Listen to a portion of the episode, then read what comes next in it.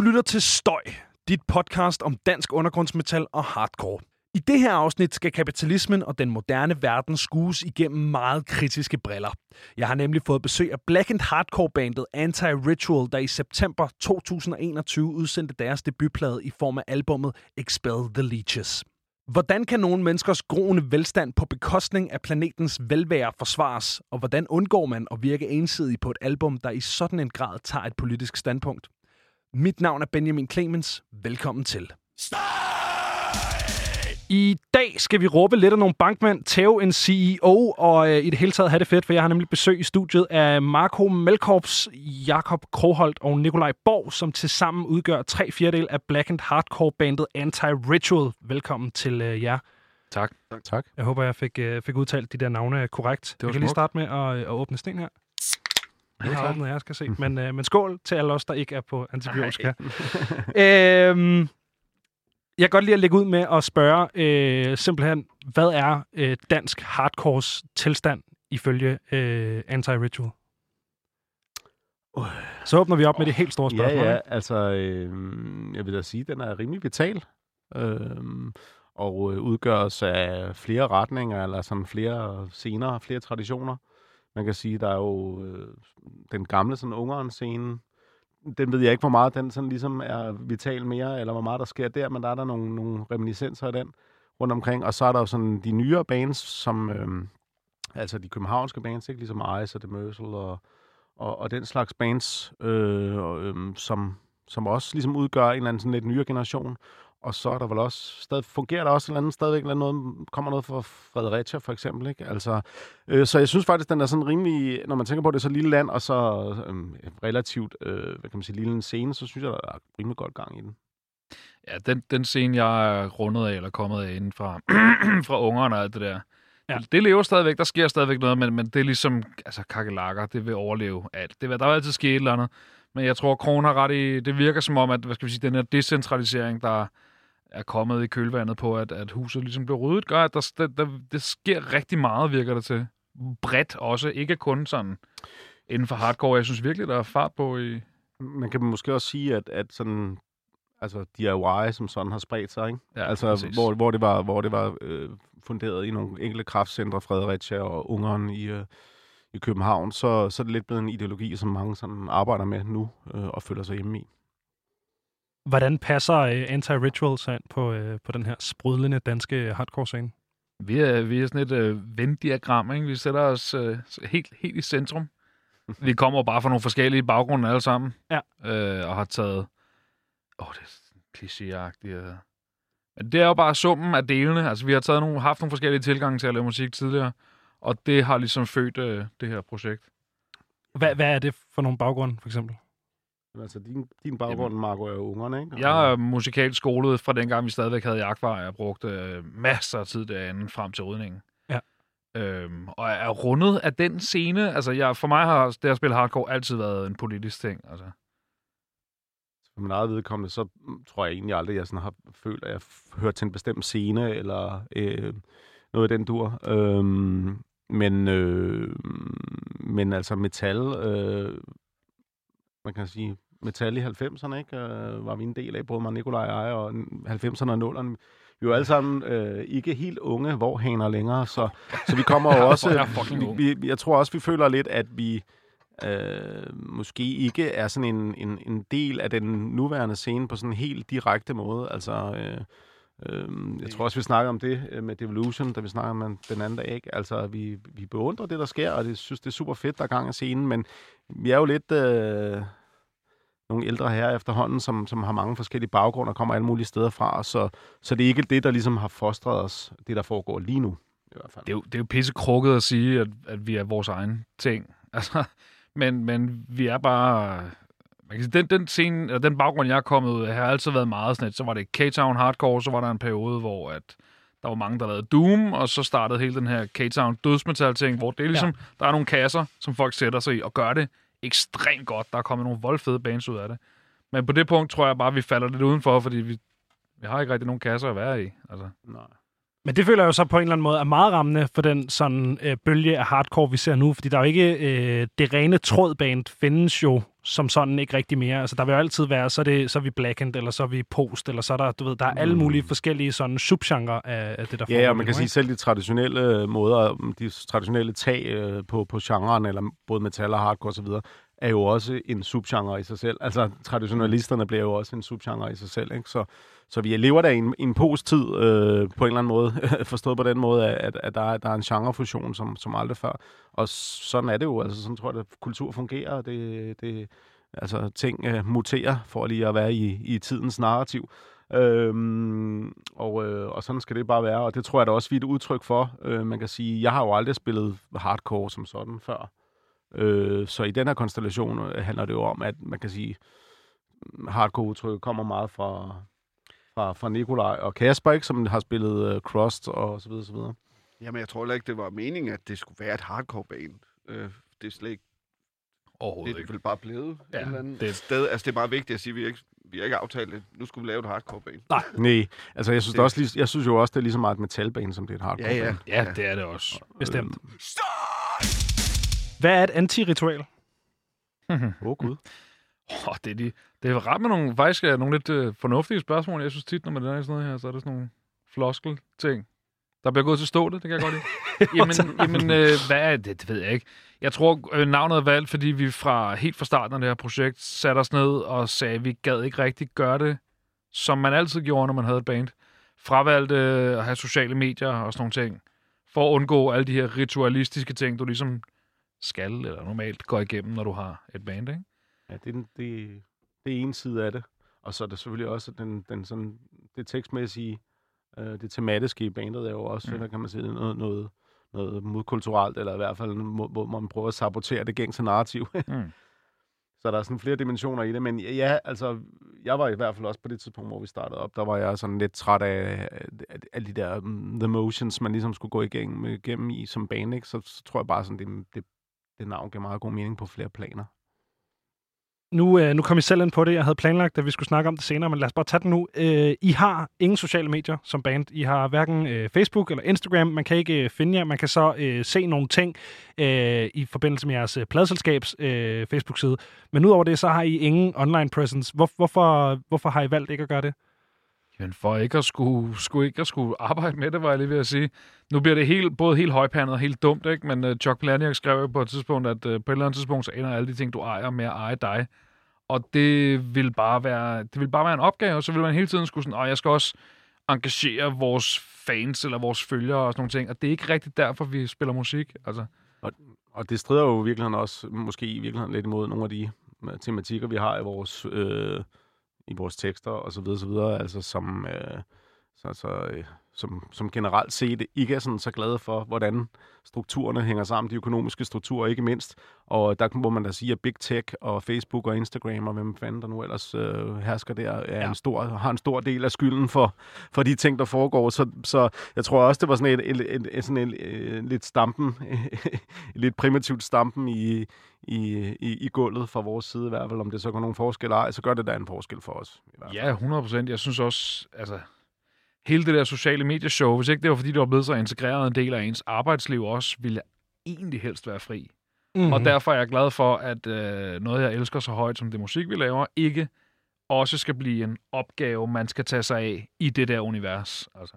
Ja, og en, og en, og en, og en vare i, Ja, i det der univers, hvor man hele tiden skal måle sig vejes på, Præcis. på rækkevidde og li- likes og delinger og sådan noget. Altså det, jeg tror også, ja, det var nemlig en eller anden ønske om at holde sig fri af det kredsløb, og egentlig bare lade det, lade det hvile sig selv og have en værdi i sig selv. Så det er lige så meget mindre en opgave, og også lidt sådan noget integritetsting, hører jeg Det sige. er både praktisk og... Øh, og, og, og Kvadratisk og godt. det? ja, det er også det. Det er både, det er både praktisk, men også, øh, men også ideologisk funderet, ja. 100 procent.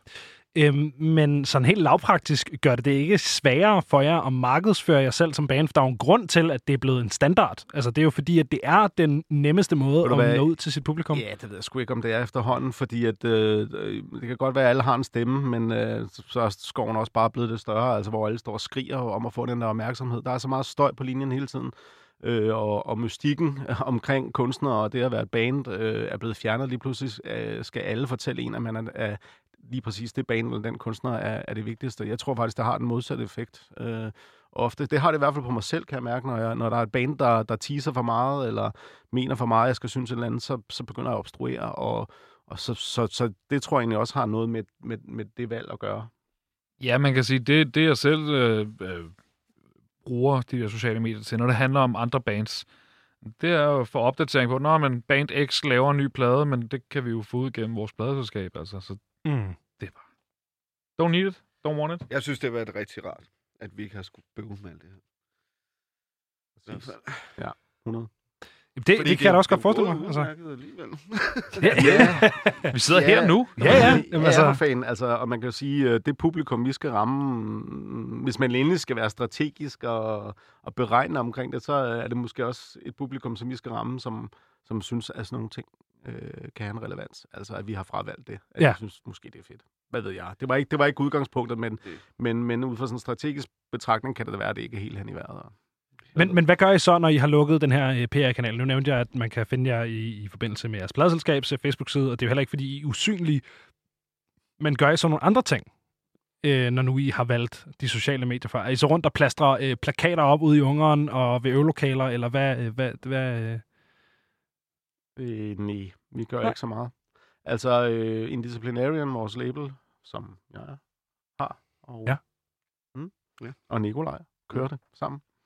Øhm, så altså halvdelen af bandet er også øh, vores label. Det er jo meget Eller praktisk. hvordan man nu skal udtrykke det. Ja. Øh, der er jo, altså vi, vi laver jo promo for, for bandet og, og, og har vores sociale kanaler, så der sker jo noget den vej. Øh, men jeg vil sige, at, at der, hvor vi skal, der, hvor vi skal ramme folk, det er, når de hører pladen. Øh, hvordan det så end kommer til at ske, eller når de, især når de hører os live. Altså det, jeg, jeg synes, det bedste, vi kan gøre, det er at performe live.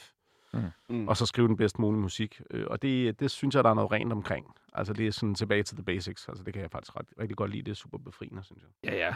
Der er jo heller ikke nogen af os, der nærer illusioner om, at vi skal at det her er en karrierevej, eller noget som helst andet end noget, vi gør, fordi at vi ikke kan lade være. Der er noget, der skal ud, og det er ligesom ventilen, man kan bruge til at justere det på. Ja. Så altså, dem, der hører det, hører det, og synes, det er fedt, og dem, der ikke hører det, det overlever både de og vi garanteret. Ja. Det, det er meget, meget smukt Det er sagt. lidt velkommen. ligesom, de er velkommen. De, undskyld. Ja, det er jo lidt ligesom, da vi var unge, ikke? Du ved, sådan, kommer nogle anmeldelser, og så spiller man bare live. Ja, Det er ja. dejligt. ja. Og, Det er hvis folk, dejligt det får det- befriende, ikke? og hvis folk ikke Det kan får lide det det, så til er at de, lyde ordentligt boomerang. Dengang vi var unge, der var der ikke noget internet. Det skal Det var- vi ikke bede om nu her. og hvis de ikke Det kan lide det, så er, de velkomne, så er de velkomne til at skride. Men jeg troede, vi aftalte, at vi var et Ja, boomerband. det er ja. Undskyld. Jamen, vi er ikke helt gamle nok til at være boomer, men det er det, det, det, det, er derhen af, ikke? Ja, godt så. Boomerband. I er jo aktuelle med den her øh, plade Expel the Leeches, som er en øh, masterclass ud i øh, vred antikapitalistisk hardcore, og øh, tillykke med, med pladen, by Tak. the way. Tak skal du have. Øhm, hvad var ideen øh, bag at, at gå ind og, og skrive den her plade? Var det simpelthen bare ventilen, der skulle, øh, der skulle plejes? Jamen, altså, vi... vi øhm... Den første EP, vi lavede, kom jo egentlig ret hurtigt i stand. Det var de to herrer ved siden af mig, der jammede jo det meste af den frem i løbet af en enkelt eller to øver. Altså sådan råskitzerne, ikke? Jeg plejer at, at sige det sådan, at så havde man ligesom stenen, og så skulle du selv hugge statuen ud. Det gjorde vi så. Øhm, og det var en super fed proces. Det var jo et, på det tidspunkt, hvor det var bandet et sideprojekt for alle involverede andre end undertegnede, så de brugte nogle år på ligesom at pleje det. Og så brugte vi bare nogle år på at tage tilløb og sige, "Jamen, vi mødes lige og finde ud af, er der mere materiale? Så mødtes vi, og så fandt vi ud af, det var der. Ja, ja, Fik vi ikke gjort en skid ud af det. og det gjorde vi så nogle gange. Men, men øh, på et eller andet tidspunkt, så opstod der også bare sådan, okay, nu, nu, nu, nu, vi kan mærke, der er noget materiale. Nu skal vi lige, nu tager vi os sammen, og så polerer vi det lige ud. af Det kom jo også meget af den tid, vi er i lige nu, ikke? Altså, vi blev trætte af at rende rundt og løbe rundt på væggen, ikke? Og det var Jo. rart at komme ud og, og larme lidt. Ja, men helt sikkert. Altså, Øhm, og man kan sige, som du selv siger, Marco, er, at der var jo også andre bands i far, farvandet, ikke? Og, og, og, og familie og dit og dat. Så tiden gik bare, og jeg tror også, vi havde behov for at ligesom fornemme, at der var en gnist der, øh, af sig selv. Øh, det, var, det var ikke noget, der skulle tvinges frem, og igen, der, der var ikke nogen karriere, der skulle laves, så det skulle ligesom være, det skulle ligesom komme et rent sted fra, og øh, øh, så det skulle vi tage lidt tilløb til, og så, øh, og så over et par sessions her de sidste to år, altså igen, få, få øver, hvor vi optog det hele, der, der kom grundmateriale på plads, og så lavede vi et hurtigt run her til sidst, og fik den i, fik den i kassen, ikke? Og man kan Øh, det kan man sige, den, det er sådan den kreative øh, del af det. Øh, og, og så fandt vi jo også bare ud af, sådan, da vi sådan begyndte at løbe, løbe den i gang, den plade, øh, at der var en del, del ting at, at være sur over stadigvæk. Altså man kan sige, øh, jeg, jeg vil virkelig ønske, at jeg kunne påstå, at det var anderledes, men verden er jo ikke blevet bedre sted, siden vi lavede den første plade. Nej. Og hvis man er sådan lidt, øh, hvad skal vi sige, indineret over verdens tilstand, så er det jo bare at tænde for en vandhane. Altså, du skal bare se nyheder. Altså, der er jo nok at være rasende over. Der er jo nok at påpege problemerne ved. Så, så ja, det kom rimelig meget af sig selv, synes jeg. Øhm, er det det samme øh, vision, man møder på EP'en, øh, Anti-Ritual, jeres selvbetitlede debut fra 14, øh, som man møder her på Expel Leeches? Åh, oh, oh, det er, jeg synes, det er svært at svare på sådan noget, uden at det kommer til at lyde super kunstnerkrukket, men for mig at sige, er, er fuldlængden bare en logisk øh, sådan, progression fra EP'en, fra lyden, følelsen og det hele. Altså, vi kender alle sammen de der bands, som når de laver deres tredje eller fjerde plade, så skal de prøve noget andet. Så nu spiller de ikke dødsmetal, nu spiller de polka, calypso, trip-hop, et eller andet ting. Du ved, men jeg synes, jeg synes der er en fin øh, rød tråd. Altså, det giver god mening. Det var, Jeg tror, øh, ja, og så, så insisterede jeg lidt på, at det skulle være et album, ikke? Altså, fordi det, det der fungerede Ja, med den første, det var også det der med, at det var det der øh, øh, umiddelbare raserianfald, som EP'en jo var, ikke? Og det fungerede super godt som en EP. Øh, og det var egentlig udgangspunktet også, da vi startede på den anden her, men, men jeg synes, det kunne være sjovt at arbejde med øh, albumformatet, også fordi, at jeg vidste, at vi ligesom kunne komme videre omkring, altså også dynamisk og sangskrivningsmæssigt og sådan noget. Øh, det vil jeg da våge at påstå var, Altså, det var da, det var da træk, der fungerede, viste det sig, ikke? Altså, fordi sådan en hardcore-plade kan fandme hurtigt blive for lang, men, men heldigvis så er der nogle... Så går det lidt op og ned i dynamik, og, og der bliver arbejdet med nogle teksturer og sådan noget. Ja, det var dig, der insisterede på den. Jeg var, jeg var mest indstillet, da vi bootede op på at skulle lave en EP igen, for jeg var bange for, om vi kunne holde kadencen på en hel plade, og også, du ved, holde en rød tråd og blive ved, og det, blive ved med, at det var interessant. Altså, jeg vil hellere lave en EP, end jeg vil lave en plade med 10 numre, hvor to af dem var sådan et, nej, du ved, ja. fillers. Mm. Men heldigvis er det ren perler. Altså, det er jo... Kun det, det, mesterværker, Der er på mesterværk nu, ikke? Yep. Ja. Ren, ren Ja. no skip. En halv, halv times... Øh, Nej, men prøv at, ret skal være ret. Hvis, hvis der var noget af det, vi havde indspillet, som vi, ikke, som vi synes ikke hang sammen, så var det ikke kommet med på ja, pladen. så var det råd. Ja. Der var en proces helt op til slutningen, hvor at jeg med næb og klør bekæmpede et nummer, som jeg virkelig ikke synes passede ind i, i processen. Ja. Og i resten af lyden, og jeg, jeg, jeg var klar til at dø på den der bakke der. Øhm, men efter der lige blev tweaked lidt og pillet ved nogle ting, så er det endt med at være et af de numre, jeg er aller, aller gladest. Især for at spille live, faktisk. Okay. Grineren, hvad er det for en sang, hvis man må spørge? Det er den, der hedder Necro Capitalism. Det er også et, øh, det er et godt nummer. Øhm, som jeg lige nævnte, så kom den her EP altså i 2014, og I var også lige selv inde på, at der øh, var gået lidt tid siden. Øh, er det øh, det her med andre projekter og arbejde og familie, eller hvad, hvad er det, der ligesom har gjort, at der er gået de her hvad, syv år eller sådan noget før øh, siden, hedder det? Ja, det er jo det. Andre bands, øh, skilsmisser, børn, arbejde, Voksen Ching. voksne ting. Livet. Ja. Pladen hedder jo uh, Expel the Leeches. Uh, jeg vil gerne spørge jer, hvad er det for nogle iler, der skal udstødes? Hvad så, Marco? Så kører vi. Så, de, de iler, vi skal have udstødt af vores verden, er dem, som, som ødelægger vores verden. Altså, det, de, de, de firmaer, der tjener mest og forurener mest, og som i jagten på profit er med til at ødelægge jorden for os alle sammen. Altså, det er egentlig rimelig simpelt. Så nogle mennesker som Jeff Bezos er jo objektivt set bygget af lort. Altså, du kan ikke byde, du kan ikke byde så mange mennesker så rådne arbejdsforhold, som den Nej. mand gør. Være så st- Prøv, der findes ingen moralsk, der findes intet moralsk forsvar for at være så rig, som den mand er. Der er ikke noget moralsk forsvar for at, kom, for at koncentrere så meget rigdom på så lidt plads. Det kan ikke forsvares, altså. Jeg synes, øh, vi skal indføre et system, hvor når du, når du tjent din første, hvad skal vi sige, milliard, så har du gennemført kapitalisme. Alt, hvad du tjener derefter, det går til skolesystemer og Pegasus, så kan vi opkalde nogle pakker efter dig. Whatever. Så har du vundet kapitalisme bingo. Du, præcis. Ja. Så har du ligesom gennemført det spil. Altså, der er ikke... Og mennesker, det system, der bliver ved med at opretholde øh, destruktionen af vores allesammens hjem, for at nogen kan blive endnu mere altså sådan ukristeligt rige. Det er det, jeg opfatter som ilerne, der skal... amoralsk, altså. Og, og også hele den der fortælling, der følger med om, at det, det er jo noget, folk skaber, og de giver jobs, og de ja. gør det ene og det andet. Altså, det er jo en illusion, ikke? Og for det første er mange af de mennesker, de er jo født til de formuer, der var skabt i forvejen, og har et helt andet udgangspunkt end andre, som i øvrigt har tjent pengene på samme måde ved at udnytte nogle andre, ikke? Øh, og mange, mange gange i hvert fald. Øh, så det er ikke et spørgsmål om, om jalousi og misundelse, det er bare et spørgsmål om, det er nogle strukturer, som er dybt uretfærdige og amoralske. Den der med jalousi og misundelse, det er også bare allerøverste kort i skuffen, når højrefløjen skal, skal ja. Ja. replicere.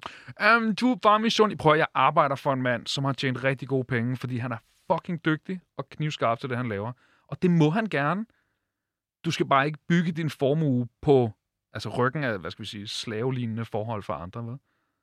Nej, vi ser det jo lige nu med den her øh, Kellogg's-strække, hvor det er fuldstændig samme ting, som man så med Amazon-medarbejderne. Du ved, folk, der bare bliver, bliver trykket ned. Ikke? Men hvad, hvad, hvad gør det ved jer? Altså, hvad tænker I, når I ser Richard Branson og Elon Musk og Jeff Bezos bruge milliarder på deres egne øh, fantasier om rumrejse og... Øh, Jeg tænker to ting. Jeg tænker igen, det viser, hvor fuldstændig amoralsk rige de her mennesker er. Og så, så kan jeg ikke øh, undsige, at hvad skal sige, sølvpapiret trykker en lille smule, og så tænker jeg, "Men han er jo bare ved at gøre klar til at forlade jorden. Altså, han er ved at gøre klar til, når de har smadret det hele hernede, så kan ham og hans venner fuck til Mars. Altså, Ja. jeg ved godt, det er noget pjat. Men, men Det- det er jo noget fis, prøv at høre, altså. Ja, men det er jo sådan, i, i hvert fald er det sådan, øh, altså individets fuldstændig berserkergang, ikke? Altså, der er jo ikke, øh, der er jo ikke nogen, øh, der er jo ikke nogen, altså det virker nærmest som om realismesansen er, altså at de er på, at de er et eller andet, øh, et eller andet svamp, og realismesansen er røget fuldstændig ud. Øh, Jeg synes, det er rimelig proportionerne er forkerte på en eller anden måde, ikke? Hvis man, som Jeff Be- hvis man som Jeff Bezos for eksempel, igen, er så rig, at du med halvdelen af din formue kunne effektivt putte en stopper, eller putte, putte en end til, hvad hedder det, sætte en stopper for, for, for hungersnød i verden. Det er da sygt. Hvis alle de penge eksisterer, er der ikke nogen grund til, at der er en mand, der sidder på så meget. Hvis halvdelen af, hvad han ejer, kunne udrette mirakler for millioner af mennesker. Det ser jeg simpelthen ikke ideen i. Men han Pussy skal jo op i rummet, jo. Han skal op i rummet, det er rigtigt. Den har du, Det det går- den har du lige misset, Marco. det er rigtigt. Ja. Det var godt, han brugte pengene på det, så måske han kunne blive derude eventuelt. Bare, jeg ved godt, at rumskrot og, og forurening og sådan noget, men jeg vil godt tage den der forholdet, hvis han bare blev derude. den, den ene, det ene stykke rumskrot, det kan du acceptere. Det kan vi godt acceptere på jordens vegne. Undskyld, galakse, men vi har lige sendt... Uh, Hvad hedder det? Det er virkelig udstødning af, af ilerne. Det vil- for, åh ja. ja, ja. uha, Skal der er en EP lige der. Kosmisk udstødelse af ilden. Rumiler. Så vi skal spille sådan noget uh, uh, rum, rumskibs dødsmetal. Yes, yes. Det lyder som sådan en... Øh, det lyder som sådan en B-film fra 90'erne. Sådan, Skriver øh, sig selv den udstødelse af rumilerne. Øh, men hvor kommer al den her vrede fra? Hvorfor ikke gøre som, øh, du ved, langt størstedelen af jordens befolkning og bare acceptere, at sådan er det? Det kan jeg ikke. Det kan jeg simpelthen ikke. Jeg, jeg, synes, jeg synes, det er et spørgsmål om at have samvittighed, øh, og det er kun blevet værre, efter man har fået børn. Jeg synes, det er benhårdt at se ud på en verden, øh, som er i forfald, altså i frit fald, vil nogen også sige. Jeg, jeg er, er gradvist mere og mere bekymret for, at den fremtid, de går i møde, kommer til at være markant mindre morsom, end, end den, øh, det liv, jeg selv har haft. Jeg synes, det er vores allesammens ansvar, og, altså, også fordi vi er så fucking privilegerede, som vi er. Vi sidder her, altså tre hvide mænd ved os på det tørre, vores på det tørre i, i velfærdsandedammen i Danmark. Hvis ikke vi skal råbe op, hvis ikke vi skal sige, nu er det kraftet med nok for alle de mennesker, der ikke kan, men hvem skal så? Altså, Mm. Men, men man kunne jo sige, at øh, vores velfærdsstat er bygget på et kapitalistisk system, så det er jo det samme system, I kritiserer, som sørger for, at vi ikke bor i et hul i jorden uden tænder. Øh, hvad, hvad, det, er I enige i det, eller? det er lodret forkert, vil jeg sige. Okay. Vores velfærdssystem er bygget på noget andet end det kapitalistiske system. Kapitalismen vil jo bare koncentrere al, al værdien og al, hos, hos så få mennesker som muligt. Velfærdssystemet er netop bygget op på ideen om, at vi alle sammen tager noget af det, vi får, og lægger i en fælleskasse, så jeg betaler øh, nogle penge for de mennesker, som øh, hvad ved jeg, er kolpatienter, fordi de har røget siden de var 14, så de kan komme på hospitalet og få nogle nye lunger, eller hvad det nu er. Det synes jeg er det stik modsatte af kapitalisme. Kapitalismen vil jo bare fordre, at så kan du tage på privathospital, hvis, hvis du har råd i øvrigt. Og hvis ikke Mm. du har, så kan du dø i rendestenen. Så, så Det, så var det er, ikke, det er en øh, regulering af, af, den, af den rå, af det rå marked, ikke? Kan man Ja, sige. det, det kan du Altså også se. De, de, de, de øh, største fortalere for, hvad skal vi sige, ren kapitalisme, som politisk set, det er jo sådan nogen som LA og de her ultraliberale. De vil skide velfærdssamfundet et stykke. De vil betale så lidt skat som muligt, netop for at undgå at skulle aflevere noget til nogen, der ikke er dem selv. Så velfærdsstaten og kapitalismen er to komplet modsatrettede ting, vil jeg mene. Men er det så alle sammen øh, udadskuende øh, problemer, det her? Er det, det er ikke noget, I ligesom... Er det alt, fordi nu nævner du Jeff Bezos en del, for eksempel, men det er jo noget, der foregår i USA, mm. øh, så det er jo noget, du kigger ud over øh, landets grænser med. Er det, er det ligesom temaet, eller... Man kan sige, altså, øh, verden hænger jo sammen mere og mere, og, og, og altså, vi lever i en globaliseret verden, og Jeff Bezos bestemmer jo, øh, og tech-firmaer og så videre, så videre bestemmer jo øh, nærmest øh, lige så meget, hvis ikke mere i nogle tilfælde, end vores øh, demokratisk valgte regeringer. Så, så, øh, så det er da bestemt udadskuende, hvad jeg mener. Altså, det er, det er nogle strukturer, som er, som er gennemgribende øh, verden over. Ja, jeg synes, verden er, som, som Kron siger, så, så interconnected. Den er så forbundet med hinanden på alle. Du kan ikke kigge nogen steder hen længere, uden også at kigge ud af. Jo, lige ind i din egen navle. Men det har vi jo så set, hvordan det er gået for verden. LA. øhm, de budskaber, man møder på den her plade, det er jo noget, som øh, mange oftest vil forbinde med sådan en vred gymnasieelev. Øh, hvorfor tror I, de her øh, følelser holder ved hos jer, som I jo selv siger? Hvor, hvorfor en vred gymnasieelev? Er det, er det kun unge mennesker, der er indineret, og så, så når man bliver ældre, så bliver man en, en doven satan, som passer sig selv, eller hvad, hvad tænker du? Jamen, det, synes, det er jo det, jeg, jeg gerne vil spørge jer om. ja. du, du, du er blevet mere sur med årene. ja. ja. Jamen, jeg synes, jeg synes også, det er en trist borgerlig trope, det der med... Hvis du ikke er socialist, når du er ung, så har du ikke noget hjerte. Hvis du stadig er det, når du er gammel, så har du ikke nogen hjerne. Hold nu kæft, mand. Så, hvad, så hvad, hvis, ikke, hvis ikke jeg falder ind i sådan en fuldstændig øh, egoistisk protektion af mine egne interesser først, altid, mest og hele tiden, så har jeg ikke nogen hjerne, eller hvad? Fuck dog af, mand. Jeg synes, det, jeg synes, den er så slidt, den der trope. Og Jamen, det ved jeg ikke, hvorfor... Men, hvorfor... men, det, men det er da rigtigt, det er da rigtigt at, at, at man som ung øh, måske har mindre at tabe øh, i form af, at man ikke mm. ejer det ene, og man, jo, jo. Og man, altså, man bor hjemme hos forældrene, og det er dem, der sørger for brødet osv. osv. Har, måske har plads og tid, overskud og lejlighed til at, at være vred øh, på en masse andre menneskers... Øh, øh, hvad kan man sige? Øh, ikke bekostning, hvad hedder det? Øh, vegne. Øh, men, men det gør jo ikke, det gør jo ikke kritikken eller, eller problemstillingerne eller strukturerne mindre kritiserbare. Altså, du har helt ret. Det er selvfølgelig nemmere, når man er gymnasieelev, at råbe privat ejendomsret og teori, fordi du ejer ikke din egen bolig. Øh, det kan jeg godt se. Øh, jeg har personligt været meget bevidst om en gang at have læst et interview med Morten Messerschmidt, hvor han stolt proklamerede, at han havde de samme holdninger nu, som han havde, da han var 18 år gammel, hvor jeg tænkte, dude, det, det er ikke så godt. Det, altså, det smager det af, du måske bare nægter at udvikle dig, du ved. Så jeg har været meget bevidst om, at man skal også ligesom kunne holde sig åben for den tvangfrie tvang i det bedre argument. Jeg synes bare, når du kigger ud på verden, er der... Altså, ikke fordi det går skide godt med det der hyperkapitalisme på fast forward, so far, vil jeg sådan objektivt set mene.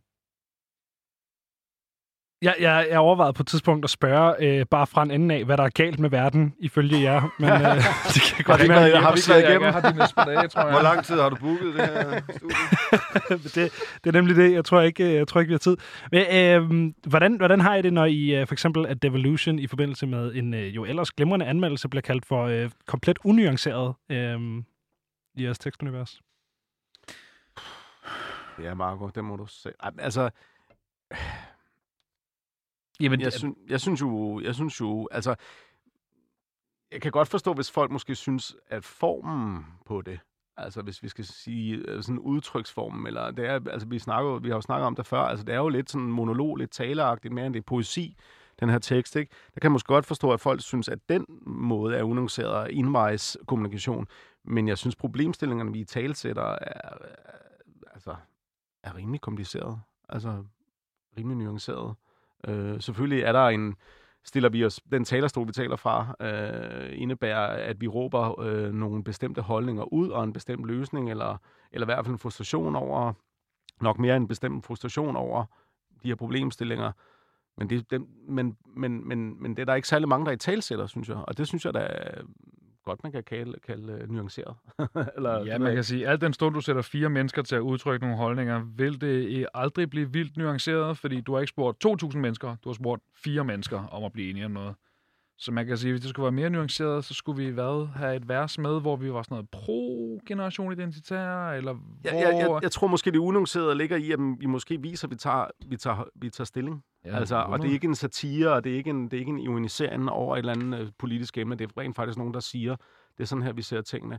Og der kan jeg da godt forstå, at man måske nogle gange kan føle sig distanceret eller fremmedgjort, eller synes, tingene er unuancerede. Men, men hey, altså, Men så kommer den bare igen, den der lille kunstkliché. Vi har jo ikke, vi har lavet den her plade for vores egen skyld, og ikke rigtig for andres behov for nuances skyld. Og så vil jeg så også sige, hvis man lige skal, skal være, blive lidt fornærmet og sige, den er faktisk nuanceret. Der er jo også et på, hvor vi kritiserer, hvad skal vi sige, det, det, det generelle udtryk på vores egen fløj i øjeblikket. Og den, det synes jeg var vigtigt at have med. Fordi hvis du ender med at blive blind for de fejl, der er på din egen side af hegnet, så har du også begået en alvorlig fejl. Jeg vil sindssygt gerne dykke ned i, i nogle af, af, af sangene og deres sådan, mere specifikke emner, men, øh, men det kommer skal vi vi ikke til. snakke om alle øh, de fede riffs også? Lidt. De Mega fede fede riffs. også. Ja. Hvad med, hvad med de der trommer der, var? Mega heavy. Mega heavy kæler. Hvad hedder det? øhm, Marco, du nævner, øh, du nævner øh, det her begreb øh, generation identitær, det kan Ja. godt være, det bare er mig, der har øh, hovedet for meget op i, øh, i musik, øh, til at jeg har hørt det før, men, men bare for alles skyld. Øh, vil du lige definere det en gang? Hvad, hvad, hvad snakker jeg vi vil om her? alle til at glemme, at I nogensinde har hørt mig sige det højt, for at være helt ærlig. Okay. Generation Identitær øh, er en sådan pan-europæisk bevægelse. Øh, skal vi sige, hvis vi skal tage den helt diplomatiske øh, variant først. En pan-europæisk bevægelse, som går meget op i at beskytte øh, sådan den europæiske etnostat og europæisk identitet. Okay. Ja, så har, vi, kan- så har vi taget den pæne Wikipedia-udgave. Man kan sige, det, det, det er konservative, unge konservative. Ej, det er fandme mere end unge konservative. Det Det er er ny enig. fascisme. Altså, der er slet ikke noget at diskutere der. Det er ny fascisme, men det er pakket rigtig pænt ind af nogle pæne unge mennesker, der laver sådan lidt aktivistarbejde. Men når du skralder væk, når du, når du begynder at kigge på, hvor de har deres ideologiske ophav henne, og hvad det handler om, så er der ikke så meget at gøre. Det er fascisme på nye flasker. Altså. Det er nogle rigtig, rigtig, rigtig ærgerlige folk, synes jeg. Yes, det, det lyder De noget. abonnerer meget på den her idé med den store udskiftning, at vi alle sammen er ved at blive udskiftet. Ah, ja. Yes. Det er en af deres øh, kongstanker. den, den har man hørt før, Præcis. føler jeg. Ja. Øh, hvem er I mest inspireret af? Systemkritiske punker i øh, slut 70'erne, start 80'erne, eller franskmand i 1789? Øhm, det må du igen spørge Marco om, tror jeg. det ved jeg sgu ikke. Gør det selv, slå dem ihjel, det ved jeg ikke. Øhm, det er inspireret af. Jeg tror, jeg er mest inspireret af at tænde for mit tv og se nyheder. Altså. Jeg er mest inspireret af at, at kigge ud i den verden, der vi, vi ser ud i, og mest inspireret af den smerte og den anger og den vrede, man, man selv ser, som sagt, når man har børn og, og alvorligt ofte bekymrer sig om, hvad det er for en verden, de vokser op i. Jeg synes, vi skal øh, dykke ned i nogle af de her øh, sange og de her øh, sangtitler. Øhm, og øh, den første, der sprang mig i, øh, i øjnene, da jeg øh, bare lige sådan scrollede titlerne på, øh, på pladen igennem, det var den, der hedder øh, Franchise Coffee Bars and Internment Camps. Øhm, hvad, hvad ligger der øh, bag den titel og, og det nummer? Så vi læsebrænderne på igen. Det, Jamen- det er læsebrille-samtalen, det her. Det, det, det kan jeg godt det, mærke. Prøver, jeg, jeg er fint tilfreds. Bare de andre ikke uh, føler er sig sat fint, Marco. til nok. Det er helt okay. Det er en linje, jeg har fra en bog, jeg blev færdig med for nylig, af en fyr, der hedder Mark Fisher, der hed... Øh, åh, hvad hedder den? Kapitalistisk kritik? Er der ikke noget alternativ? Jeg kan faktisk ikke huske præcis. Mark Fisher, gå hjem og tjek det ud. Men basically en bog, hvor han, hvor han detaljerede sådan lidt, at, at øh, kapitalismens nuværende krise var også et handlingsrum for nogle nye måder at organisere samfundet på. Enormt interessant bog. Ikke særlig lang, ret velskrevet øh, hvor han på et tidspunkt kommer ind på det her med, at, at franchise coffee bars og, og hvad skal vi sige, interneringslejre, øh, selvom det umiddelbart bliver set som et udtryk for henholdsvis fuldstændig fri, øh, uhindret kapitalisme og et noget meget, meget voldsomt autoritært, jamen de kan sagtens sammen eksistere. De sammen eksisterer fint, altså. Ja, altså Kina er jo et godt eksempel, ikke? Præcis. Men jeg skal bare lige forstå koblingen mellem kaffebarer og interneringslejre. Det er 100% et citat løftet fra bogen.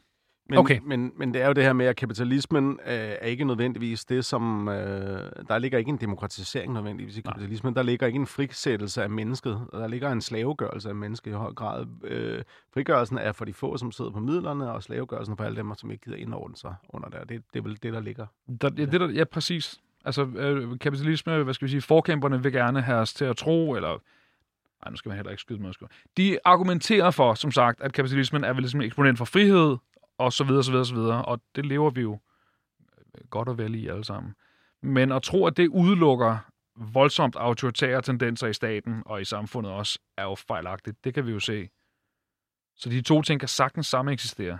Og det er også det, du siger i teksten. De kan fungere fint sammen. Øhm, og så, så var der den anden, som jeg tænker, at den, du var inde på øh, lige før, øh, som er den, der hedder Marginalize Yourself, øh, hvor I skuer en lille smule kritisk på øh, egen fløj. Øhm, og hvad, hvad, hvad, hvad handler det nummer om?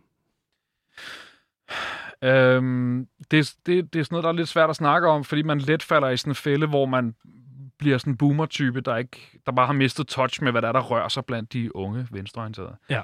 Jeg synes, jeg så i de miljøer, øh, jeg selv er- rundet af og kommet af, en, en øget tendens med for opkomsten af det her identitetspolitik, til at alting blev fokuseret indad på mig og på individet. Øh, og lige pludselig kunne alle være undertrykte. Altså, alle var faktisk undertrykte på en eller anden måde, fordi at jeg er øh, har, hvad ved jeg, har lyst hår og øh, bruger størrelse 48 i sko, så kunne man ligesom finde en niche, hvor ah, så er det faktisk øh, mig, der er undertrykt, fordi at der er en videnskabelig undersøgelse, der viser, at folk, der bruger størrelse 48 i sko, har mindre tendens til at få et arbejde, hvis de går til job som whatever. Det blev super navleskuende helt pludselig, og, og det Ja. blev meget om mig, og jeg skal finde ud af, hvordan det er, det faktisk er mig, der er i virkeligheden er undertrykte. Og det tager bare noget øh, klassebevidsthed væk. Det tager væk fra den egentlige kamp, hvad det egentlig er, vi handler om. Fordi vi har alle sammen travlt med at sidde og finde ud af, hvorfor er det faktisk mig, det er mest synd for.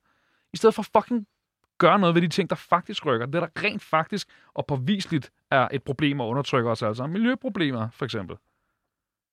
Det er øh, noget, som, øh, jeg kan ikke huske, hvor han er frem, Slavoj Žižek øh, har snakket rigtig meget om det der, har han ikke det? Jo. Jo.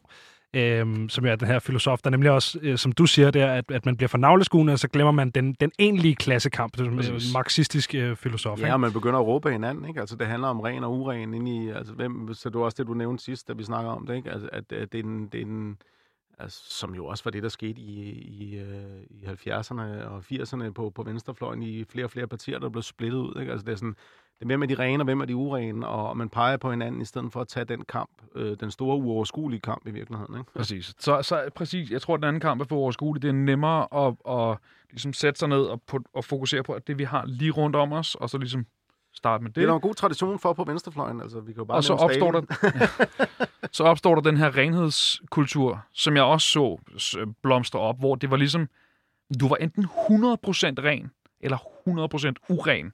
Ja. Og det er jo for unuanceret. Prøv at alle vi mennesker, det, vi er grundlæggende set fejlbehæftet alle sammen, og at overse det, øh, er for det første en kæmpe øh, logisk fejl, men igen, så tager det væk fra de kampe, der faktisk betyder noget.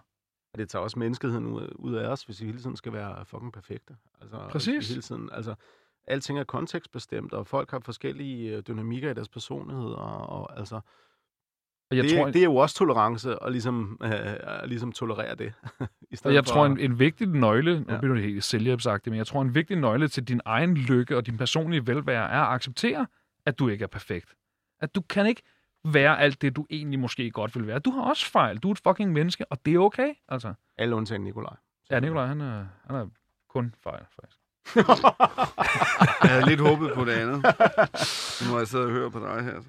At du spiller med med, som om der er nul fejl på den plade, vil jeg så sige. Ej, hvor er du sød. Nul huller. Også Nul huller. Nul huller.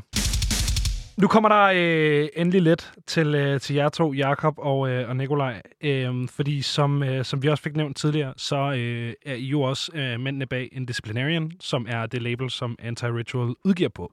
Øh, og så øh, falder det jo mig ind og spørger jer, kan man godt lave antikapitalistisk HC, når man også er øh, labelboss? Ja, jeg vil bare se på, hvad vi tjener. vi, har, vi, har, vi har sat en målsætning om at have konstant underskud. Ja. Så øh, det vil sige, det... Øh, Ja, det gør ikke ondt nogen steder der. Det er fint. Øh, jamen altså, man kan sige, vi er jo, vi er jo, det, vi er jo, vi er jo i verden, altså vi er jo i, i, i den del af verden, vi er, og vi er jo i et samfund, og vi, øh, vi kan jo ikke øh, undslippe, øh, sådan, i hvert fald ikke lige med det første, den måde tingene hænger sammen, og, og, og, øh, og, og selvfølgelig kan man det, altså man kan jo godt, øh, man kan jo godt leve og tjene penge, og så samtidig øh, ytre en kritik af noget. Det er hvad der sagtens mener, man kan. Det- Øh, igen, det, det er igen det der med renhedskultur og at være 100% perfekt hele tiden. Ikke? Altså, Det binder Men- også an til sådan en man bliver klassisk... nødt til at starte et sted. Ikke? det binder også an til sådan en klassisk højrefløjspolitik. Nå, eller sådan en klassisk højrefløjskritik, trope. Nå, er du venstreorienteret? Hvorfor har du så ikke givet alle dine ting væk til de hjemløse? Øh, det ved jeg, ikke. jeg kan godt lide at have tag over hovedet. Vi lever i et kapitalistisk samfund. Jeg vil ønske, at jeg bare kunne fuck ud på landet og dyrke agurker, altså, og så indspille plader med de her, men det er ikke den virkelighed, vi lever i. Nej, nej. Så man kan sige, Ja. Hvorfor, hvorfor lige agurker? Noget andet, der er grønt, så, Okay, som man kan putte i pipen. Øh, men hvis man så skal, skal sætte det der lidt på spidsen, ikke? hvorfor ikke? Altså, der er jo nødt til at være nogen, der ligesom er de første, der fucker ud på landet og dyrker agurker, ikke? Altså, hvorfor ikke, øh, hvorfor så ikke tage den så langt der? det kom, for mig fører det tilbage til det her med erkendelsen af med ens egen imperfektion, altså. Og, og, og lære at leve med, at, at sådan ville jeg ideelt set gerne have, det var. Men jeg lever også bare et, et privilegeret liv og har tre børn og en karriere. En karriere, den giver jeg ikke så meget for, men, men alting er jo også igen, altså det her vores liv er, og det er det, det, det, det, det her samfund, i den her, de her strukturer, vi agerer så godt som vi kan. Altså. Men, men, og, og det er verdens billigste point at score, ikke? Men jeg er ikke til kun i tvivl om heller, at hvis der er sket et eller andet om en måned, en eller anden verdensomvæltende begivenhed, der med et ryg rev hele det her system op ved roden, så vil jeg rigtig gerne bare pakke min nærmeste og fuck op i skoven og op i Sverige og forsøge at klare det deroppe. Apropos sociale medier, ikke? Altså hvis man bare lige kunne, øh, hvis serverne lukker ned i morgen, fint, så vil jeg klappe mine små hænder, seriøst. Altså, hvis man, kunne, hvis, hvis, man kunne, men hvis man kunne undslippe de strukturer og de krav, som det følger med, øh, som der følger med der, øh, så ville det være en befrielse på mange punkter. Der vil selvfølgelig også være en masse ting, der vil blive besværlige. Det er sådan nogle andre parametre, man skulle begynde at måle tingene på, ikke? som man måske ikke kender til endnu. Men, men altså, det er igen det der med, hvor, man, hvor, hvor kommer man fra, hvor er man hen, ikke? Ja, ja, og helt sikkert, prøv at vi lever, vi nyder også vores privilegerede liv. Prøv at, jeg er akademiker. Jeg kan ikke slå en søm i en hundelort uden at afbryde strømmen i til i boligblokke. Jeg vil, jeg vil have ægte problemer ved at, at bygge mit Overdriver eget lidt hus. der, Marco. Nej, det gør jeg faktisk ikke. Du spørger min kone.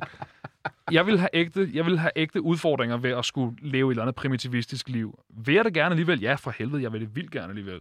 Men, men jeg er også bevidst om, at de første par høste vil nok slå fejl, og man vil nok lige... øh, man skal, jo også, man skal jo også gøre noget der, hvor man kan, ikke? Og hvor det giver mening, og alt, altså, livet er kort og fuld af lidelse, altså. Man er, man er der, Præcis. hvor man er. Altså, det er jo ikke, man kan jo ikke rykke, rykke alting rundt hele tiden. Hvorfor ikke, øh, altså, hv- igen, nu stil, jeg stiller bare irriterende spørgsmål, fordi det er dem, endelig der falder mig. ved, mand. ind. Øh, hvorfor ikke gå ind i politik så? Og Ej, nu er prøve du at- altså at virkelig rykke- irriterende, Ja, Benjamin. jamen, Næste spørgsmål. Undskyld. Nej, men hvorfor ikke, hvorfor ikke gå ind og ligesom prøve, okay, men så prøver vi at rykke på nogle af de her strukturer, fordi det, Fordi det der- I har gjort, Fordi Hvis jeg- parlamentarisme er den sikreste vej til at korrumpere den menneskelige sjæl. Det er okay. den direkte vej til helvede. Det, det, altså, der, der er vi måske ikke altid lige 100% enige. 100% enig. Nej, Jo. ikke altid. fordi, Altså, det skal du altså fra mit synspunkt, ikke? det I har gjort, det er, at I har stillet jer op uden for systemet med nogle øh, store højtalere, som kan spille rigtig højt, og så bare larme og råbe og skrige ind i hovedet på dem, der styrer det. Hvorfor ikke gå jeg, der ind og ligesom jeg ser prøve mere, at... at jeg står inden for systemet og råber og skriger.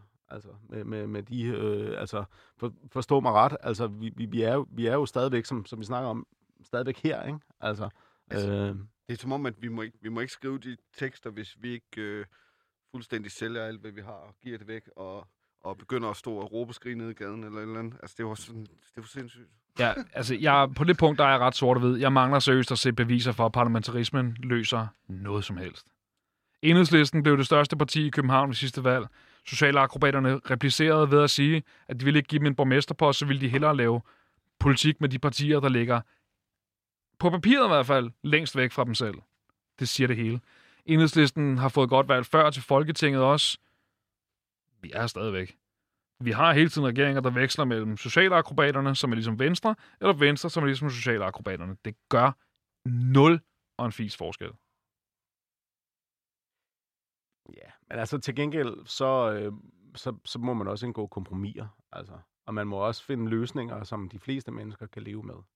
Altså, jeg, jeg siger heller ikke, at jeg er glad for den vekselvirkning og, øh, ind på midten, som der fungerer i, i dansk, eller som ikke fungerer i dansk politik, eller som i hvert fald eksisterer. Men, men øh, jeg synes også nogle gange, man selvfølgelig er der mange inden for politikerstanden, som bliver korrumperet, og de fleste måske i virkeligheden. Men ja, det er også et stort væv at tage på sig, og det synes jeg måske også nogle gange, man, man glemmer lidt. Altså, der er rent faktisk nogle, nogle folk med, med, med visioner og med, med hjerte, som går ind i det her. Det tror jeg, de gør, de fleste af dem. Ja. Men jeg tror, det bliver, det bliver pillet ud af dem efter tid. Altså. Og så kommer det til at handle Det er måske også derfor, man holder sig lidt fra at, gå ind i politik for at følge op på det spørgsmål. Det er, orker man overhovedet, øh, orker man overhovedet at blive en del af det der system, og nytter det? Ikke? Ja, og hvis man skal have djævlen, the devil's advocate hatten på, så kan man sige, at det er også en privilegeret position at kritisere politikerne uden selv at gå ind i politik og erfare, hvor benhårdt det er. Altså, Ja, det, det har jeg ikke noget problem med. Det er fandme et tough game, det er det jo. Vi må lige huske at skrive om lidt lettere ting næste gang, dreng. Ja, vi skal lige... Ja. Ja, skru, skru lidt ned for vreden. Nej, men, men, men det er faktisk det er rigtigt. Jeg, jeg kan godt lide, at Nikolaj bringer det op, fordi det er sådan noget, man har hørt nogle gange nu i nogle forskellige interviews. Ja. Og det er ligesom om, jeg har spekuleret meget på det efter første gang, vi fik det præsenteret. Det er ligesom om, hvis du er sådan traditionelt på højrefløjen, jamen så behøver du ikke gøre så meget andet end bare eksistere og gå på arbejde, for ligesom at leve op til dine egne ideologiske gods. Men lige så snart man er som os, og egentlig helst vil noget helt andet, jamen så bliver du konstant kritiseret, men, men altså prøv at høre, let's be real, kapitalismen behandler, hvad skal vi sige, sådan helt, helt øh, anderledes tænkende, lidt som et fremmedlæme, der skal udstødes. Der er jo ikke, der er ikke vildt meget plads, kan man sige. Der er ikke vildt mange fristeder tilbage i København, hvor man sådan rigtig kunne sætte noget i værk. Christiania er tvunget i knæ, og har jo været det i overvis på grund af self-serving luksushippier, ikke? Ja, Ungeren og, blev og narkohandel. Og narkohandel. ja, ja. Og ungeren blev ryddet, så jeg synes ikke, at det er fordi, at, at vi vælter os i muligheder for at forsøge nogle andre ting. Men er det ikke i sig selv et privilegeret standpunkt at have? Fordi der er jo mange, der skuer til Danmark med de her øh, to 100. eksempler, som du nævner, og tænker, hvis vi bare kunne have det her ene, altså hvis vi bare kunne have Christiania. Det er totalt privilegeret. Prøv at høre, der har, jeg har set, øh, de, de få gange, jeg har været så heldig at se nogle, nogle øh, bands fra, fra Sydamerika, der spillede hardcore punk for eksempel. Det er noget helt andet at se dem. For når de står og synger om undertrykkelse og politivold og ting, altså, de ved fucking, hvad de taler om. Men så kan man sige, okay, så fordi vi ikke er, er fuldstændig tvunget i knæ, og vi er igen hvide, privilegerede, forholdsvis cis-mænd, så må man ikke råbe op. Det er vel også, Gud det, vi vel- det, råbe vel- op, Jeg mand. synes også, nogle gange, man fra et privilegeret synspunkt, eller i det samfund, et privilegeret samfund som vores, lige pludselig kan se nogle muligheder, der rent faktisk kan lade sig gøre, ved, hvis, hvis, man, hvis, man, hvis man kan leve i fred og ro med hinanden, og der er en, og der er en offentlig samtale, og der er, sådan, altså, der, er, der er nogle parametre, der fungerer, så kan man lige pludselig, pludselig se de videre potentialer i det samfund, man har, og derfor bliver man måske endnu mere tændt på at få det til at ske. Altså, så, så øh, altså, øh, igen tilbage til det der med, med de der formuer, hvad de ikke kunne hjælpe folk. Ikke? Altså, Mm. det er sådan det potentiale, der ligger for at frigøre mennesket, øh, blandt andet fra øh, konstant arbejde. Øh, ikke så meget os, men dem i nogle andre dele af verden. Det er jo enormt. Altså, hvad er det, hvad er det ikke for nogle kræfter, vi kan sætte fri? Og det synes jeg måske, man kan se nogle gange i nogle, i, fra nogle privilegerede positioner, som vi måske har. Det ved jeg ikke. Hvi- Hvis ikke kapitalismen indebar en sådan øh, dødsdrift, og hvis ikke den indebar en, en total ødelæggelse af jordkloden, Necro-capitalism. Præcis. Og i øvrigt, i øvrigt gav plads til, at hvad skal vi sige, radikalt anderledes samfundsmekanismer kunne få lov til at udfordre sig. Udfolde sig. Så ville jeg være pro, mand. Så ville jeg sige, fint, gå derover og tæl dine øh, matadorpenge i fred. Hvis det er det, der giver dig stiv pik, så fyr den af. Så fisser vi andre ud og prøver at lave den. Nå, men prøv at, hvis der, hvis, det, hvis der var plads til de her ting, så ville jeg jo ikke have og den er jo ikke øh, forurenet hele tiden, så ville jeg ikke have de store issues med, med kapitalismen. Men det er manglen på muligheder for at gøre noget andet, jeg synes, der er et af de centrale problemer. Jeg synes, vi skal prøve at, øh, at sådan komme over på noget øh, lidt mere, øh, ikke så, så vredt i virkeligheden, øh, her øh, Tak hen mod øh, slutningen. Ja, det var hyggeligt. Hvad hedder det? Øh, I har alle sammen øh, jobs og andre projekter, og jeres bassist spiller i fucking, altså Danmarks største metaleksport øh, ever. Er der overhovedet tid til, til, til Anti-Ritual? Det er gået meget godt indtil videre, kan man sige. Jamen altså, øh, bliver det sådan lidt bandmødeagtigt. Ja. Nu skal vi have snakken, dreng. Ja. Nej, altså, jeg vil sige, det er jo et band, hvor, at, hvor vi kender præmisserne. Altså, vi, vi, vi kender hinanden, vi ved, vi ved, hvor vi står. Altså, vi ved, at vi alle sammen har familier, eller nogle af os har familier og jobs, og, og, og, og vi ved også, at vi skal være der. Når vi, skal, når, vi, når vi er der, så skal det være, fordi vi har lyst til at være der. Øh, og ellers eksisterer det her band ikke. Og det tror jeg er sådan en, en helt grundlæggende forståelse, øh, der er i det her band.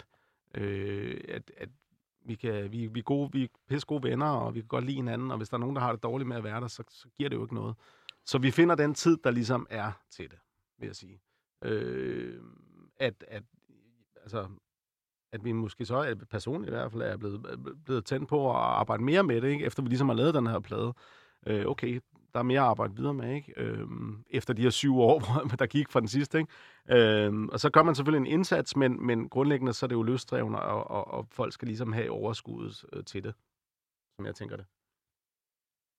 Altså et af, et af dogmerne også, da jeg blev inviteret ombord, var også bare, at, at, at der er ikke så meget. Nu, nu laver vi det her band, så, så prøver vi at knalde en EP sammen, og så siger vi ikke noget om, vi har lavet et band, eller lavet en EP, eller noget som helst, før lortet er færdigindspillet og klar.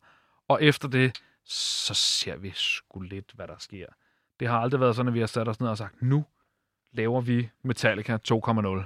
Der har ikke været nogen karriereplan på noget tidspunkt, altså. Øhm, Så, så øh, det kommer, fordi vi ikke kan lade være, og det bliver vi nok ved med at have svært ved at kunne lade være med, tænker jeg. Der er altid nogen, der kan sige, jeg kan ikke komme ud og øve. Ja. Ja. Jeg skal aflevere børnene til ekskolen, og der er ikke nogen, der bliver sure. Nå. Det er jo utroligt dejligt at spille i et band, hvor vi er blevet så gamle nu, at, altså det sætter man også, men det, at man kan sige sådan noget, ikke? det sætter også en eller anden... Fordi sådan var det da ikke, det vi... Nej, nej, men det, er også, altså, det sætter også en fri kreativ, det der, man ikke skal Mm. noget, absolut. Altså, det er sådan et, vi leger for helvede. Altså, det, det er leg et eller andet sted. Selvfølgelig er det ja. måske nogle, nogle, nogle, nogle emner, vi arbejder med, som er lidt tunge og sådan noget, eller og vi vil noget, men, men, men der, er ikke, der er ikke nogen karriereplan, der er ikke noget, vi absolut skal med det, og det tror jeg er vigtigt i forhold til kreativiteten. Så på en eller anden måde sætter det i virkeligheden en fri, at man ikke Plus, øh, har planen, ikke? plus Dejligt lystdreven, synes jeg. Det er mega Ja. fedt. jeg spillede i band med en anden makker på et tidspunkt, der sagde noget ret klogt faktisk, som jeg har holdt hos mig siden, der sagde, prøv at et band er ligesom et parforhold. Altså, alt det, der skal til for at gøre et parforhold godt, kommunikation og dynamik og alt det der, det er fuldstændig det samme, der gør et band godt og harmonisk. Og det synes jeg virkelig, vi har. Der er sgu aldrig noget pis. Altså, jeg, jeg elsker de drenge højt, og vi nyder altid deres selskab. Og, og, og som Nikolaj siger, der er aldrig noget pres eller bebrejdelse eller øh, noget, som jeg kan forstå, andre oplever med bands. Så det er meget lystbetonet. Altså. Og det letter hele processen. Men når vi så endelig mødes, så er vi også sure, ikke også? Rasende. Rigtig, rigtig. Rigtig skændes rasende. meget. Dårlig stemning i øvelokalet. Ja. Så er alle andre ind i hinanden. Det er jo meget godt, at man ligesom kan rette det ud. Jamen, det er lige øh, det. Det er jo det er jo den bedste måde at samle folk, det er at være sur på noget andet. Det er det. Præcis. Det er det. Øhm, nu kom den her skive jo sådan hen af, øh, af, af det sene 2021, og, øh, og så blev I jo så øh, desværre nødt til at aflyse øh, et ud af tre øh, planlagte shows, nemlig... To Øh, var det, ja. okay, et ud af to. Ja. Yes, der var øh, det her release show med Nyt Liv i Aarhus, som I blev nødt til at, at trække fra. Hvad har I af, af planer i, øh, i 2022? Vi har tre shows med de svenske crust-legender, kan man jo godt kalde dem. Martyrdød. Martyrdød. Yes! Ud. Øh, tre shows her i Danmark. Øh, den gode gamle tur. Øh, København, øh, Aalborg, Aarhus. Øh, egentlig er der ikke sådan skide meget inde i bogen. Der bliver snakket om nogle ting. Øh, vi øh, snakker lidt om at genopleve Indisciplinarian Fest. Uh, teaser. Øh, som jeg holdt et par gange før. Og der tænker jeg da også, at vi skal optræde. Det bliver nok noget efterår øh, 2022. Øh, hvor vi også håber at spille nogle flere shows. Men altså, øh, ja, der er de tre shows, og så sådan lidt, Ja. mere, lidt mere på vej. Ikke? Vi Det- går og roder med lidt ting, Ja, ikke? altså vi, Ja. Det, det er jo også igen, apropos den snak, vi lige har haft, så er vi jo ikke et Ja. band, som kommer til at Nej, turnere præcis. tre uger i streg øh, på diverse crosterborg eller, eller andet øh, gennem hele Europa. Det, øh, altså, der, der, der kommer det, der kommer, Nej, og, øh, mit og, øh, Reich. og vi, vi, med rejs. ja, der kommer det, der kommer, og vi vil bare have en god time, altså. Præcis. Det er meget indikativt for, hvordan hele processen er. Det, der bliver ridset op her, at, at vi, vi tager det sådan rimelig et skridt ad gangen. Og som sagt bliver det aldrig nogensinde med tre ugers. Jeg tror ikke, nogen af jer skulle overleve at spille shows og turnere i tre uger. Ah, det er sgu da ikke så lang tid, jeg har gjort det. Ah, det kunne da være meget sjovt, kunne det ikke, Marco? Ja, kom nu, Åh, Marco. Forresten, jeg, jeg har fået et tilbud her i dag. Scheisse med et rejse kommer ind i hver mailbox? Hver aften. Ej, okay, den der Scheisse med et rejse tre uger, den gider jeg ikke. I men lige gider bare godt, sådan, øh, husk at lægge låg på gryden, fordi der er rotter. Jeg gider godt, jeg gider godt at, jeg gider godt at flyve rundt i en kæmpe stor møgbeskidt øh, jetjager, ikke også? Bare Så skal det også være Virgin Air. Det skal jeg bede om. Oh ja, bare Ja, og- virkelig... Øh, Og det er det selveste her Richard, der skal Ja. ja. være piloten. Og så når vi lander, så bare sådan, kan du holde motoren gående, til vi kommer tilbage? Det er bare fordi, så. Vi spiller kun en halv time. Kun en halv time meget, meget hurtigt. Tilbage igen. Det var en til en repræsentation af tromlyden på pladen, der kom der. Det, er, det, det er strålende. Det bliver en kæmpe stor turné. Øh, Marco Malkorps, Nikolaj Borg og øh, Jakob Krogholt, altså fra Anti-Ritual. Øh, tusind tak, fordi I vil øh, komme forbi til en snak. Det har været en fornøjelse. Tak for det. Takker. Tak. Hej.